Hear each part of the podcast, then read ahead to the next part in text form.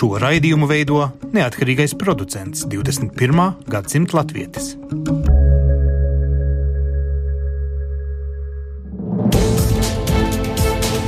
Septiņas dienas Eiropā piedāvā Eiropas radiotīkls Eironet.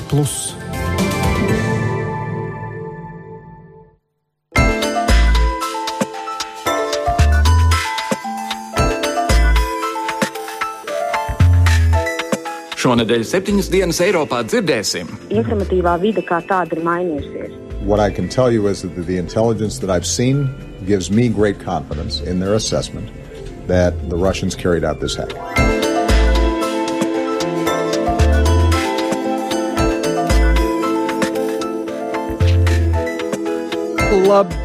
Labdien, godājumie klausītāji! Esiet sveicināti jaunākajā septiņas dienas Eiropā. Studijā Kārlis Streips, ja nemaldos, tas bija Amerikas prezidents, aizējošais, kura balsies nu pat dzirdēju. Viņš vēl pāris nedēļas būs prezidents, un pēc tam, oj, oj, oj, kas tik viss notiks. Un sāksim ar to, ka visas Amerikas izlūkošanas un drošības struktūras, CIP, FIB, Nacionālā drošības aģentūra, pagājušajā nedēļā laida klajā izmeklēšanas rezultātus, kas apliecina, ka Krievijas prezidents Vladimirs Putins ir tieši iejaucies ASV prezidenta vēlēšanās, lai palīdzētu Donaldam Trumpam gūt virsroku. Krievijas mērķis esot bijis mazināt sabiedrības uzticību ASV demokrātijas procesam, nomelnojot Hillariju Klintoni un tādējādi mazinot viņas izvēlēšanas ieredzes un dodot skaidru priekšroku Trumpa nonākšanai amatā.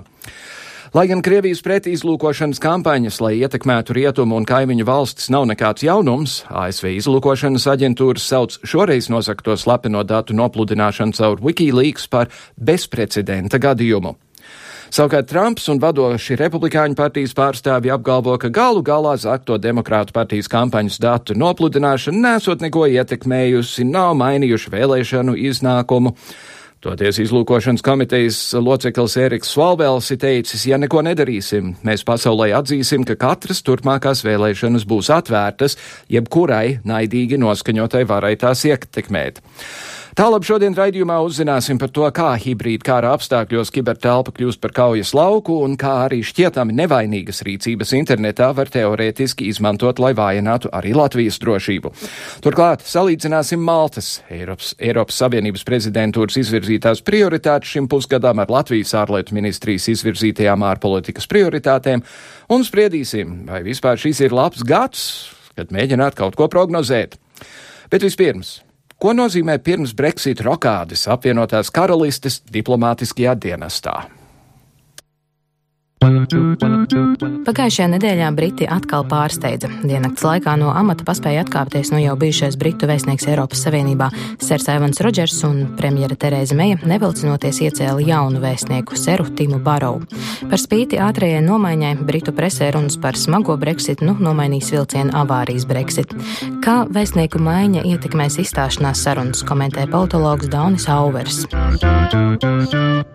Tas noteikti ir ļoti neveiksmīgi, tas, kad mainās uh, vēstnieks, un tas nepalīdzēs valdībai formulēt savu stratēģiju. Tas, kas ir pilnīgi skaidrs šobrīd, ir, ka valdībai vēl aizvien nav Brexit stratēģija.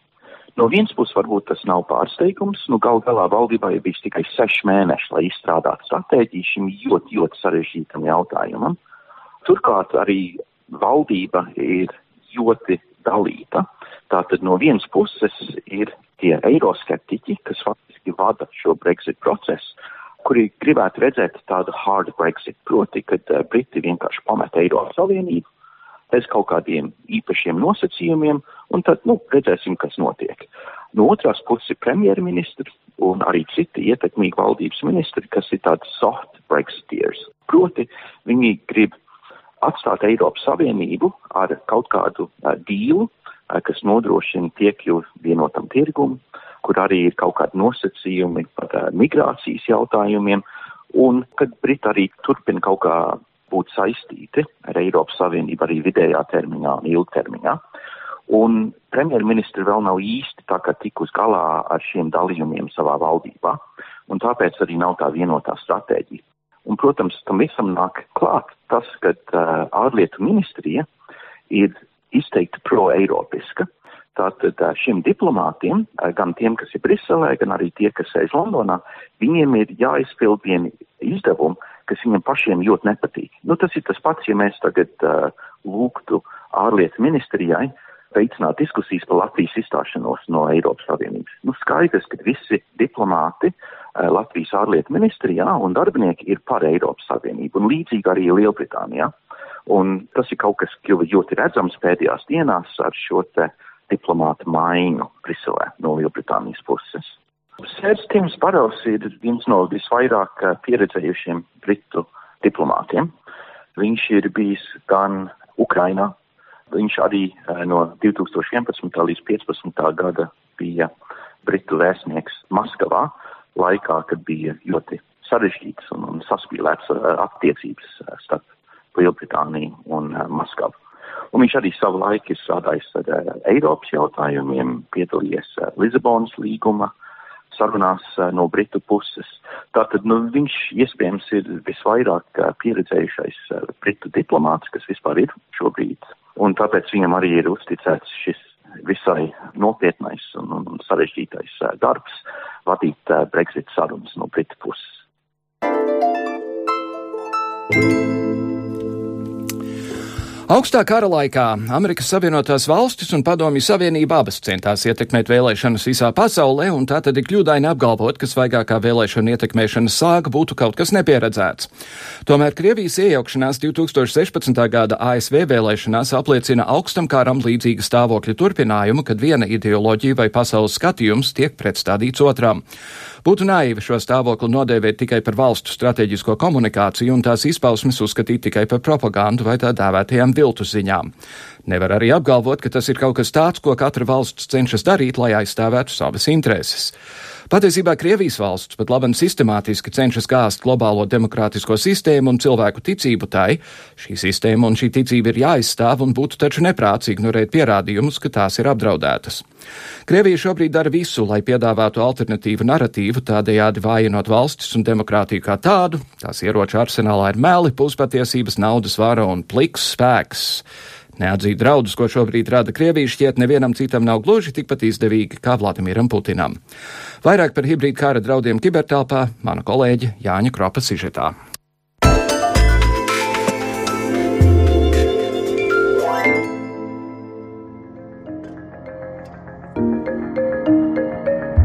Kiberdrošība un informatīvie uzbrukumi, jeb kā no spiegu filmām cīņa par cilvēku prātiem. Šāda ir realitāte tiem, kas ikdienā pēta kiberdrošības jēdzienu. Pie mūsdienu informācijas daudzuma un aprites ātruma kiberdrošība kļūst arvien svarīgāka.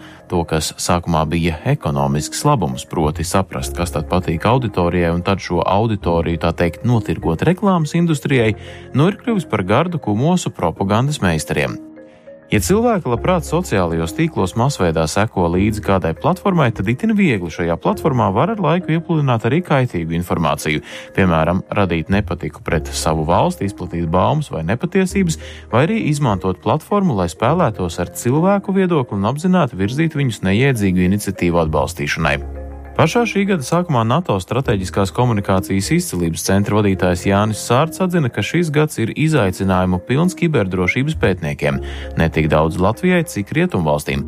Pēc visiem skandāliem, kur ietekmētas tika ASV prezidenta vēlēšanas, uzlaustas OECD datorsistēmas vai arī apzināti ietekmēta Vācijas iekšpolitika, vairākas valstis kā vēl nekad nopietni pievērsuši savu uzmanību tieši kiberdrošībai. To, ka kiberdrošības jautājumi šogad būs kā vēl nekad aktuāli, atzina NATO strateģiskās komunikācijas izcilības centra vecākā eksperte Dāce Kundrāte pozitīva tendence ir tāda, ka tā vispār ir nonākusi mūsu dienas kārtības vienā no prioritārām listēm, ka mēs par to vispār sākam runāt. Jo līdz šim bija tā tendence, ka mēs uzskatījām, ka kiberdrošība ir pašsaprotama lieta, ka viss tiek nodrošināts jau pats par sevi.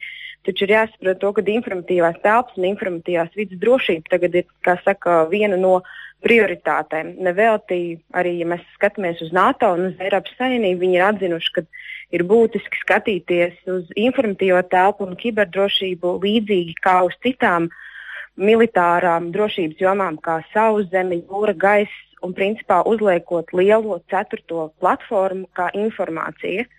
Tā kā informācijas un kiberdrošības jautājums noteikti būs aktuāls, jo tas ir rīks, kā ietekmēt sabiedrības uzskatu, sabiedrības viedokli.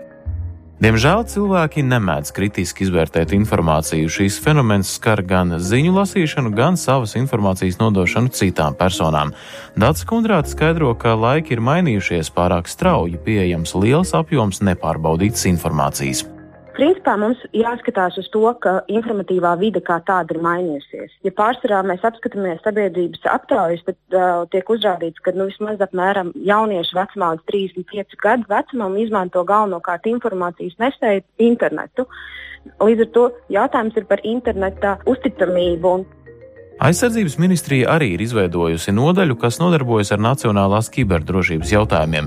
Šīs nodaļas vecākā eksperte Helīna Vīksne uzskata, ka kiberdrošības telpas izpratne vēl ir attīstības stāvoklī. Tāpat īsti nav robežu, tāpēc arī draudi var būt no jebkurienes un vērsti pret jebkuru tas tomēr aptver ļoti plašu lauku un tas turpinās attīstīties. Tā kiberdrošības robeža ies vēl tālāk. Es eh, šobrīd pat īsti uzskatu, ka nav tādas robežas, ka kiberdrošības kar katru uh, lietu, ko mēs darām, kur ir klāts šis tehnoloģiskais elements. Elīna Vīksne Nacionālās kiberdrošības telpas aizsardzībā nenodala tikai militārus mērķus vai arī uzbrukumus iedzīvotāju finansiālajai labklājībai. Latvijā veiksmīgi darbojas informācijas tehnoloģija drošības incidentu novēršanas iestāde CERT, tomēr arī militāri uzbrukumi kibertelpā ir bijuši. Arī aizsardzības nozare ir skārusi šīs te tehnoloģiskās izmaiņas, tehnoloģija attīstība. Un ņemot vērā šo attīstību un to, kā tehnoloģijas tiek izmantotas, tad, piemēram, NATO pagājušā gada vasarā atzina kibertelpu kā operacionālo domēnu. Tas būtībā ir skaidrs apliecinājums, ka jā, mēs kā NATO atzīstam, ka šī telpa tiek izmantota ne tikai komunikācijai vai dažādām sadzīviskām vajadzībām, bet valstis caur to piepilda savus ekonomiskos, politiskos vai arī militāros mērķus. Un tāpēc pret kibertelpas aizsardzību nepieciešams attiekties tikpat nopietni kā pret valsts aizsardzību gaisā, uz sauszemes vai jūrā. Aizsardzības ministrija uzrauga notikumus Nacionālajā kibertelpā. Elīna Vīksne stāsta, ka lielākoties uzbrukumi Latvijā tomēr ir vērsti ar mērķi izplatīt propagandu. Nu, ikdienā tā noteikti būtu šie propagandas eh, mēģinājumi, cīņa par cilvēku prātiem, prāta ietekmēšana. Jo tas teiksim, jau notiek ilgstošā laika posmā. Esam piedzīvojuši ļoti bieži šādu pieeju no mūsu kaimiņu valsts puses. Bet ko darīt, lai kiberdrošības līmenis augtu? Daudzas organizācijas, asociācijas ir atgādinājušas, ka nepieciešams domāt par sevis atstātajām pēdām internetā. Dāca Kundrāte no NATO strateģiskās komunikācijas izcelības centra uzskata, ka ir nepieciešams celt iedzīvotāju zināšanu līmeni un rosināt viņus domāt kritiski. Patiesībā arī tas, ko mēs tagad ar jums darām, mēs runājam par to un uh, viešam sabiedrībā izpratni par to, kas notiek. Jo pirmais punkts ir sabiedrībā saprast, ka kaut kas tiek darīts un ka tas ir tā pirmā imunitāte, lai liktu aizdomāties, ka ne viss, kas ir internetā, viss ir patiesa. Otrā lieta ir vienkārši izplatīt šo zināšanu. Tas ir jā, kritiskā domāšana, tas ir skolās runāt ar jauniešiem, skaidrot, kā patiesībā sociālajos mēdījos uzvesties, kāda ir riski, kādas ir iespējas. Brīdināts cilvēks ir uh, saka, jau ar nelielu vairodziņu. Bet ar to, ka mēs izplatām šīs zināšanas, tas jau vien jau nostiprina to mūsu kodolu, ka mēs esam spējīgi pretoties tam. Tas, ka kiberdrošība nu ir karsts temats, apstiprina ASV prezidenta vēlēšanas. Baraks Obama atklāti nosauca, ka ir pierādījumi Krievijas līdzdalībai vēlēšanu rezultātu manipulēšanā. Viņš izraidīja no valsts Krievijas diplomātus. Tātad, ja to var izdarīt ar tik attīstītu valsti kā Amerikas Savienotās valstis, tad praktiski laikam to var izdarīt ar jebkuru valsti pasaulē. There hasn't been a lot of squabbling. What we've simply said is the facts. Uh, ir bijusi ļoti liela sabiedriska viļņošanās, taču mūsu rīcībā ir fakti. Tie ir izlūkošanas dienestu iegūti un apliecina, ka Krievi bija vainojami pie hakeru uzbrukumiem prezidenta vēlēšanu laikā. Mūsu galvenais uzdevums ir darīt visu un saprast, kā nepieļaut šāda tipa kiberuzbrukumus nākotnē. Es ļoti ceru, ka jaunievēlētais prezidents arī darīs visu, lai nepieļautu ārēju ietekmi mūsu vēlēšanu sistēmas drošībā. Es domāju, kiberuzbrukumi nav neviena amerikāņa interesēs. In our election process. I don't think any American wants that. Salīdzinoši nesen portālā Mana balss LV tika sākta kampaņa, kas aicināja parakstīties par obligātā militārā dienesta atjaunošanu Latvijā. Teorētiski nevainīga pilsoniska iniciatīva, kas tomēr diametrāli atšķiras no stratēģijas, kuru gadiem izmanto valsts. Šobrīd obligātajam dienestam nav ne vajadzīgās naudas, ne infrastruktūras, ne arī apmācīta instruktoru daudzuma. Ja iniciatīva iegūst atbalstu, teorētiski mēs varam runāt, ka tā diametrāli izmainīs bruņoto spēku attīstības vīziju. Vai šādu kampaņu var izmantot valstī naidīgiem mērķiem? Aptaujātie eksperti uzskata, ka var, taču demokrātisks sabiedrības spožums un posts vienlaicīgi ir tajā galvenajā vērtībā - demokrātijā. Katram ir tiesības izteikt savu nepatiku, katram ir tiesības izteikt kritiku, tāpat katram ir tiesības piedāvāt savus alternatīvos scenārijus. Galvenais, lai tie, kas nolemj atbalstīt vienu vai otru ideju, vai arī pievienosies kādiem nemiercēlājiem, izvērtētu iegūtās informācijas patiesumu. Melos vai izkropļojumos balstīti tāpat labākos nodomus pakļaus svešu interešu piepildījumam. Tāpēc aktīvas pilsoniskas sabiedrības mērķis ir analizēt visu, ko ielikt sev prātā. Savukārt kiberdrošības speciālistu mērķis ir atrast ļaunprātīgus telpas izmantotājus un liekt viņiem darbības iespējas.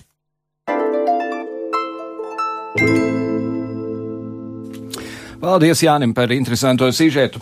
Ar 1. janvāri Malta ir uzsākusi savu Eiropas Savienības padomus prezidentūru un par prioritātiem šim pusgadam izvirzījusi migrācijas krīzes seku novēršanu, uzlabojot esošo migrācijas sistēmu, kopējā tirgu sakārtošanu, tiesa nepieminot Brexit vispār, terora draudu novēršanu, drošību un kaimiņu attiecību uzlabošanu dienvidu un austrumu virzienās, kā arī sociālo taisnīgumu un jūras lietas.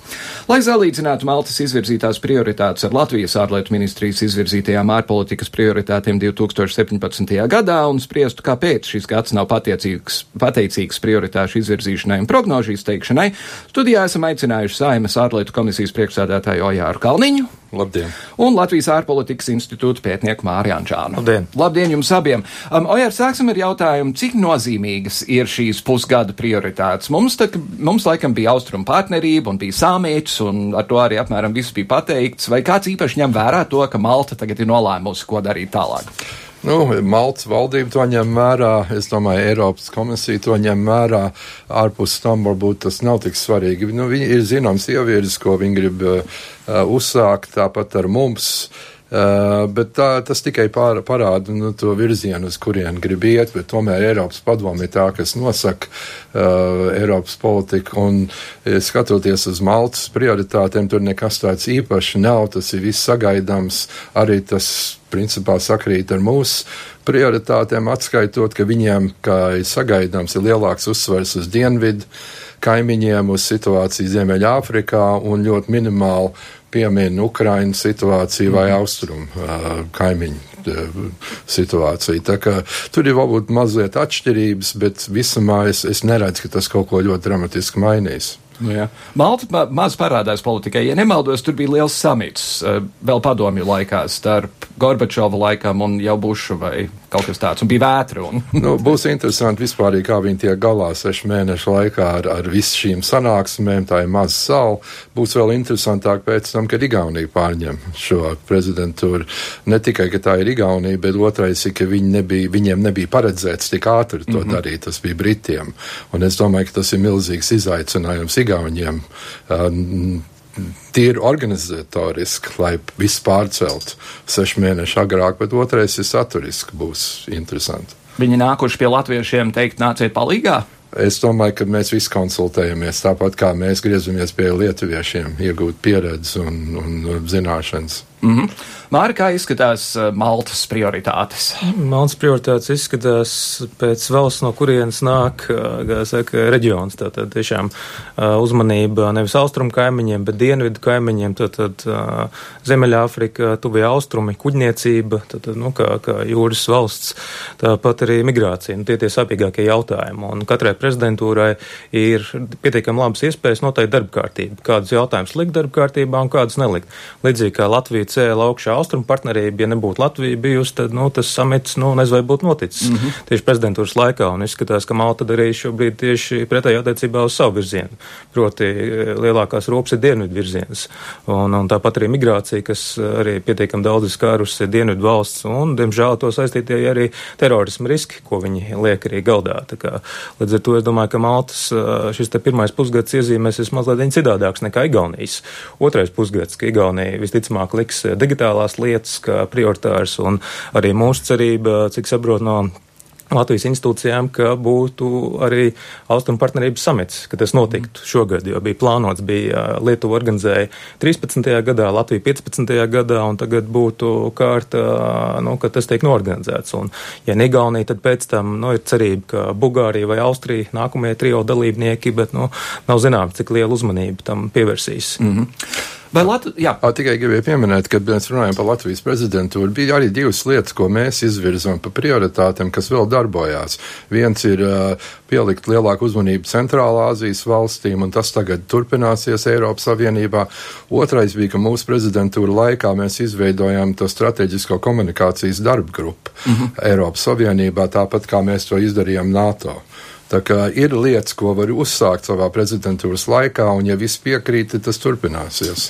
Vai Latvijas ārpolitikai ir jābūt kaut kādām pārbīdēm, tāpēc, ka tagad ir Malta un pārbīdīs vēlreiz, tad, kad būs Igaunija un pārbīdīja iepriekš, tad, kad bija kas Luksemburga vai kas, kas bija iepriekšējā valsts. Ne? Nē, es nedomāju, mēs. Slovākija, Nīderlanda, jā, bet uh, nu, tur jau, tad jau pusgadu, katru pusgadu mums būtu viss jā. jāmaina, un, un tā jau nenotiek lietas. Es tikai akcentu varbūt mainās, kad uh, nu, tās lietas, pie ko Malta strādāts, nu, mums jāpievērš tam lielāku uzmanību, mums jāatbild uz tiem jautājumiem, bet mūsu ārpolitikas prioritācijas nemainās. Mm -hmm. Izņemot to, ka Saimnes ārlietu komisijas priekšniekam tagad nāksies uz Maltu ceļot pāris reizes. Nu, droši vien. Vismaz vienreiz tā sanāks. Jā. jā. Labi, tad, lai ir, lai ir Malta, parunāsim par, par lielākiem jautājumiem. Eh, ja mēs skatāmies uz to, ka tagad ir skaidrs zināms, ka Krievija efektīvi ieviecā, ievies, ie, iejaucās Amerikas vēlēšanās, mums nāk vēlēšanas tagad pavasarī, kur Rīgā vismaz Krievijai ir savas intereses, un vēl pēc gada nāk Saimnes vēlēšanas. Eh, cik Latvija ir gatava tā kaut kam? Es pieņemu, ka Latvija visu laiku uz to gatavojās, un tas nav nekas jauns, kad Krievija to ir mēģinājusi, jo tas caur gadiem tehnoloģija ir mainījusies. Otrais ir, ka tas, kas notika Amerikā, tur bija iesaistīts gan Wikileaks, tur bija politiskā kampaņa, un tas tika varbūt izpausts citā veidā, bet es domāju, ka šādi mēģinājumi ietekmēt politiku Eiropā, Krievija jau vairākus gadus dara ne tikai vēlēšanas, bet referendums, tā, tā kā Brexit un Nīderlandes referendumu. Tur ir skaidrs, ka gan caur propagandu, caur uh, informācijas karu un citiem paņēmieniem atbalstot politiskās partijas, viņi vienmēr ir mēģinājuši ietekmēt politiku Eiropā. Un to mm. pat, es domāju, viņi turpinās Latvijā. Jā, nu šaubu nav par to, ka viņi mēģinās, bet es pat gribētu teikt, ka Latvija iespējams ir gatavāka nekā Rietuma Eiropas valsts un uh, ASV kā bija. Jo, nu, protams, ir liberālās demokrātijas vienmēr ir ievainojams. Tad, tad vārda brīvība ikvienam ir tiesības izteikt savu viedokli, un tajā skaitā arī propagandas ruporiem, kā Russia Today uh, televīzijas kanāls un saistītais mediju tīkls. Uh, bet Latvijas gadījumā, maz valsts gadījumā, īpaši Austrum Eiropā mums jau ir šī apziņa. Jo rietumos neviens varbūt īsti neticēja, nu, ka kaut kas tāds ir iespējams. Tieši tā, nevarēja pat ienākt prātā. Jā, jā mm. nu, mhm. protams, varēja kāds iedomāties, bet to sauc par sazvērestību teoriju piekritējiem. Līdzīgi arī Trumps šobrīd joprojām lamā tos, kas nepiekrīt to, ka Krievijai būtu bijis loma. Viņš, protams, pakāpeniski atzīst, bet, protams, ne līdz galam. Bet mūsu gadījumā ir vieglāk, mēs apzināmies šos riskus un uh, mēs esam mazāki un mums ir vieglāk kontrolēt uh, potenciāli savu informatīvo telpu, lai arī, protams, tas nav viegls uzdevums uzdevums. Un mēs vienkārši zinām vairāk par to, kā tas, kā tas notiek. Cits starpā, tāpēc, ka Latvijā gandrīz visi prot krievu valodu un var, var sekot tam, mm -hmm. tā teikt, patiešo. Um, es jautāšu atsevišķi, jo es pieļauju, ka Sājums ārlietu komisijas priekšsēdētājs var teikt mazāk par šo lietu nekā Latvijas ārpolitikas institūta direktors, bet nu jau nākam piekdien Donalds Trumps kļūs par Amerikas Savienoto Valstu prezidentu. Ko Latvija gaida? Es domāju, mēs gaidām to pašu, ko visa Eiropa un pārējās pasaules valsts gaida. Tas nozīmē nu, redzēt, ko īsti Trumpa prezidentūra nozīmēs. Jo viena lieta, ko mēs esam redzējuši kopš vēlēšanām, um, ka viņš ļoti bieži un ļoti ātri maina savus viedokļus par jautājumiem. Uh, es biju kopā ar Baltiešu uh, delegācijām uh, decembrī Vašingtonā ar, ar Igauniem un Lietuviešiem, un to vienlieku, ko mēs sapratām, ka mums vēl joprojām ir ļoti stingrs atbalsts ASV kongresā starp senatoriem, kongresmeņiem, un ka tur tā ārpolitikas virzība nemainīsies. Te ir vairāk jānovēro tagad, kā kongress tiks galā ar jauno prezidentu un viņa administrāciju. Un es nezinu, vai viņam būtu tik viegli kaut ko radikāli izmainīt. Uh, vismaz sākumā. Jā. Tā kā mums vienkārši ir jāgaida, bet citādi mūsu politika ar Ameriku nemainās. Līdz šim nekāds pazīmes nav, ka kaut kas mainīsies. Jūs tikāties arī ar Trumpu? Nē, Trumpu nē. Mēs, tikai, mēs tikamies ar 15 senatoriem. Un, teiksim, tas bija manā pieredzē kaut kas neparedzēts, jo ir ļoti grūti Vašingtonā pat ar vienu senatoru tikties. Pat ja tu esi ārval, ārvalstu uh, diplomāts. Un pie mums divu dienu laikā 15 atnāca ļoti demonstratīvi, gribēja mums pārliecināt, ka nekas nemainās ar NATO. Viņi nāca pie Baltiešiem. Viņi nāca pie mums, jā. Mm -hmm. Un uh, vienīgais, ko viņi mums ieteica, ir pārliecināt mūsu Eiropas kaimiņus, ka viņiem ir vairāk jādara uh, aizsardzībā, vairāk jā, naudu jāiegulda aizsardzības uh, budžetos, un to mēs labi zinām. Bet par Baltijas valstīm viņi ļoti apmierināti, jo Igaunija jau ir sasniegusi tos 2%, Latvija to sasniegs 18. gadā, lietuvieši līdzīgi solījuši. Tā kā no Vašingtonas viedokļa mēs esam jau izpildījuši šo pienākumu. Mm -hmm. Jautājums ir par Vāciju, par, par citām Eiropas valstīm. Um, Māra, šī, šī doma, ka Eiropa nedara pietiekami daudz, lai sevi aizsargātu, ir kļuvusi par tādu šablonu. Bet vai, vai tas tiešām tā ir? Jo, teiksim, Vācijā 1% no koprodukta ir kaut kas pilnīgi cits nekā Latvijā 2% no koprodukta. Nu, tieši tā, bet pirmkārt ir jautājums par riskiem. Kādi Vācijai riski, es domāju, aizsardzībā? Protams, terorisms, migrācija, daudz citas lietas, bet Baltijā šeit šie riski daudz augstāki. Un, un, un kāpēc arī beidzot tik sākts domāt par aizsardzību? Tāpēc, ka parādījās reāli draudi, par ko jau Baltijas valsts visu laiku runāja, bet kas ļoti izgaismojas Ukrainas gadījumā.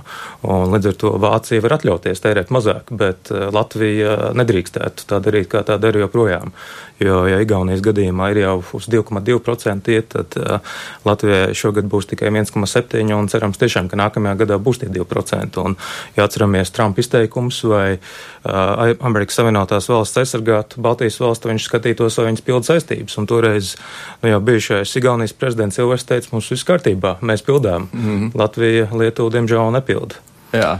Te tikai jāatgādina, ka, kad runā par saistībām, tie 2% nav nekur likumā ierakstīti. Tas bija ieteikums pirms vairākiem gadiem, mm -hmm. tas mhm. bija tīri politisks ieteikums. Jo tajā Vašingtonas līgumā, kas, kas, uz ko ir pamatots NATO, tur nekas nav teikts par to. Tas ir jāatcerās, ka ja ja, ja, ja nonāk tāds brīdis, kad kādai NATO valstī uzbruk kādu valstu, neviens jau neskatās uz to, vai ir tie 2% vai nē. Mm. Ir zināms pienākums no 5. panka, kad ir jāaizstāv. Tiesa tajā laikā, kad pieņēma to līgumu, tad visiem bija skaidrs, bija Begemots Amerika, un tad bija pārējais NATO, tāds maziņāks. Jā, jo vēl viena valsts, kas varbūt nav sasniedzis 2%, ir Kanāda, un tomēr viņiem ir ļoti daudz ir ieguldījuši, un šogad viņi vēl vairāk, ir tīpaši Latvijā. Jā, viņi sūta šo bataljonu. Jā. Ja nemal, kad, kad būs tas bataljons? Man liekas, ka viņi lēnā garā jau ieradās, un uh, nākošais nedēļa ieradīsies vairāk kanādiešu parlamentārieši jau tagad. Un es sagaidu šogad, ka vispār mums būs daudz tuvāks attiecības ar Kanādu, ne tikai aizsardzības jomā, bet politiski un ekonomiski. Mums atverās jaunas iespējas ar Kanādu tagad sadarboties, kas mm -hmm. līdz šim nav bijis. Vai daļēji tāpēc, ka viņiem ir jauns un skaists premjerministrs un Amerikai tagad būs Trumps? Nu, uh, ir interesanti, ka šī valdība tiek uzskatīta kā daudz liberālāka Kanādā, un tomēr tā ir tā, kas pieņēma šo lēmumu uh, padziļināt savu, savu darbību Eiropā. Uh, no otras puses skatīties uz Kanādas aizsardzības ministru, kas ir afgāņu kara veterāns un sīks, nu, indietis pēc tautības, mm -hmm. kas ir, nu, teiksim, cilvēks, kas ļoti labi saprot drošības situāciju Eiropā un Baltijas valstīs. Jā, es domāju, pat no Afganistānas viedokļa skatoties. Mārk, vēl viena lieta, kas ir, ir interesanta, ir, ka Lielbritānijai jau tagad ir diezgan traks ārlietu ministrs. Amerikā Trumps mēģina izvirzīt cilvēku, kas visu mūžu ir strādājis naftas uzņēmumā Exxon un ir lielies par to, ka neviens amerikānis nepazīst Putinu labāk, kā viņš personīgi viņu pazīst. Te ārlietu ministru līmenī te, te dieva zīmes varētu rasties. Mm, domāju, ne tikai ārlietu ministra līmenī, ja, protams, arī pie paša Trumpa tiek nu, agrāk teica, ka tāpat visi normalizējās prezidenti, kamēr viņš kļūst par prezidentu, bet izskatās, ka vēl ir, protams, diezgan ceļš ejams, lai notiktu konverģents starp valsts departamentu, restīvi starp ierēģiem, ko domā starp iepriekšējā administrācija un, un, un prezidentu kā tādu. Un tas, ko acīm redzot, mēs varam sagaidīt, ja kurā gadījumā būs attiecība pārstartēšana starp Amerikas Savienotajām valstīm un Krieviju. Jo atcerēsimies 2009. gadu, kad Barack Obamas administrācija nāca pie varas arī Hillary Clinton veda pārstartēšanas pogu Lavrovam. Toreiz gan ja uzraksts jau simboliski bija nepareizi uzrakstīts. Jā, bija, tieši tā bija pārpūle, ja pārlāde, nevis eh, pārstartēšana Krievu valodā. Un acīm redzot, kaut kas tāds arī būs tagad. Un jautājums ir, kurā pusē paliks Baltijas valsts. Protams, ļoti gribās cerēt, ka uh, Amerikas Savienotās valsts turēs savus, uh, saka, solījumus, kādi ir bijuši tas pats Vašingtons līgums, NATO izveidas pamati, bet uh, skaidrs, ka šobrīd Puķins cer uz sadarbību ar Trumpu un acīm redzot arī otrādi. Ka, un, un viens no pirmajiem darījumiem, visticamāk, būs pat Sīrija, kur acīm redzot Krievija kādu laiku turēja šo jautājumu atklātu, un, un es pieņemu, ka viena no pirmajām lietām būs, ka tiks Trumpam dota, kā saka, iespēja vienoties ar Putinu par kādu jautājumu, ko iepriekš nespēja ne Kerijs ar Lavrovu savā starpā vienoties, tad tagad, kā saka, tāda iespēja tiks noteikti stādīt, un, un kā būs tālāk. Um, kurā pusē būs Ukraina un Gruzija. Es domāju, pilnīgi skaidrs ir, ka šīs valsts var ar daudz mazāku atbalstu rēķināties, un, un tiešām jācer, ka Baltijas valsts būs jaunās administrācijas acīs aizstāvams. Jā, Sīrijas gadījumā Krievijas viens vienīgais lidmašīnu bāzes kuģis, cik es saprotu, ir sācis jau klibot prom no. Sīrijas. Vēl viens ļoti būtisks jautājums būs uh, sankcijas. Eiropas Savienības sankcijas, ASV sankcijas. Un es domāju, šo nedēļu, kad sāksies šīs, eh, šīs liecības eh, kongresā, tas jautājums pacelsies tieši šim kandidātam par sankcijām, jo tas mums ir ļoti būtiski. Var sadarboties ar Krieviju un Eiropā arī jau runā par dialogu un jāmēģina Krieviju strādāt, tas viss ir kārtībā. Bet kamēr Ukrainas jautājums nav kustējies, kad Minska līgums vēl nav izpildīts. Es domāju, ka sankcijas ir jāsaglabā. Un Eiropa ir gatava to darīt. Līdz šim amerikāņi ļoti aizstāvējuši šīs sankcijas. Jāredz, kā būs. Un arī eh, Mārcis pieminēja, valsts departamentu ir jāskatās arī uz Pentagonu.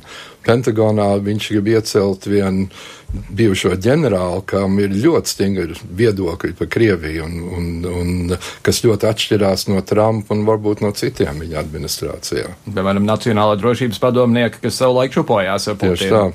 Vai, vai tu domā, ka senātā atradīsies pietiekami daudz republikāņu, lai tiešām trakas lietas nobloķētu? Pat labi runa ir it kā par Makeinu, par Lindziju Grāmu.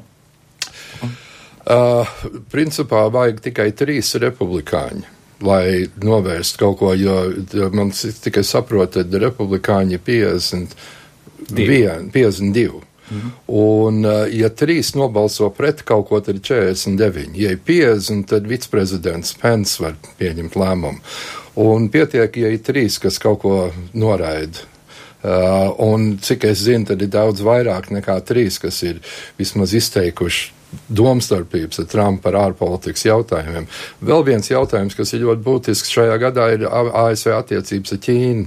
Jo to mēs negaidījām, ka viņš tagad dramatiski kaut ko varētu izmainīt sakarā ar Taivānu. Mm -hmm. Un jau tagad, un tur arī Twitter cīņa notiek starp Ķīnas un, un, un uh, Trumpu, un tas ir kaut kas neparedzēts pēdējos gados.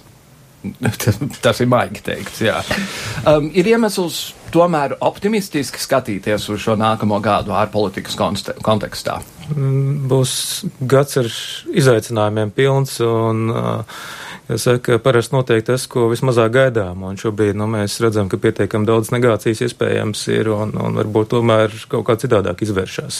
Bet, nu, diemžēl, lielā mērā tas nebūs atkarīgs no Latvijas, jo, protams, jaunā ASV administrācija, par ko runā gan arī katrā virtuvē visā pasaulē, tāpat Brexit, sagaidāms, ka Tereza Meija, Lielbritānijas premjera, saka, uzsāks izstāšanās procedūru, un, domāju, tie būs divi galvenie jautājumi, un pārējais viss būs pakārtots. Brexits ietekmē ietekmēs Eiropas nākotni, debatas, tāpat arī, protams, vēc, vēlēšanas Vācijā, Francijā, Niderlandē, kas Eiropā noteiks tālāku attīstību, tālāk Amerikas Savienotās valsts, ne jau tikai attiecības ar Krieviju, tieši tā arī attiecības ar Ķīnu, kas iespējams pat būs daudz lielāks jautājums. Kāda būs jaunā loma pasaulē, to mēs nezinām. Diemžēl mm. jāsaka, mēs tikai vērot varam. Tiesa, Marija Lotēna nu pati teikusi, ka viņa to, nu, varbūt nevajag tomēr stāties no Eiropas Savienības. Viņa meklē laukā. tagad lielāku bāzi atbalstītāju. viņa jau saprot, ka viņa viena pat ar idejām, kādas viņai ir, viņa nespēja vairākumu gūt. Ir diezgan droša iespēja iekļūt otrajā vēlēšana kārtā, bet uzvarēt ar tādiem uzstādījumiem, diemžēl, īsti nevar. Mm. Skaidrs, ka katrs, kā saka, kamēr iziet, viens ir kandidāts, viņš normalizējās līdz nonāk līdz uh, augšai, bet tāpat laikā, cik tā normalizācija uh, būs kāda, tas jau neizslēdz, ka tomēr Francija uh, nu, tiek ierosināts referendums. Parasti normalizējas. Mēs esam redzējuši vienu gadījumu, kur nenormalizējas viss. to domā mums ir jābeidz mūsu saruna. Ojārs Kalniņš, Saimnes ārlietu komisijas priekšsēdētājs un Latvijas ārpolitikas institūta pētnieks Māris Ančāns. Paldies jums! Paldies! paldies.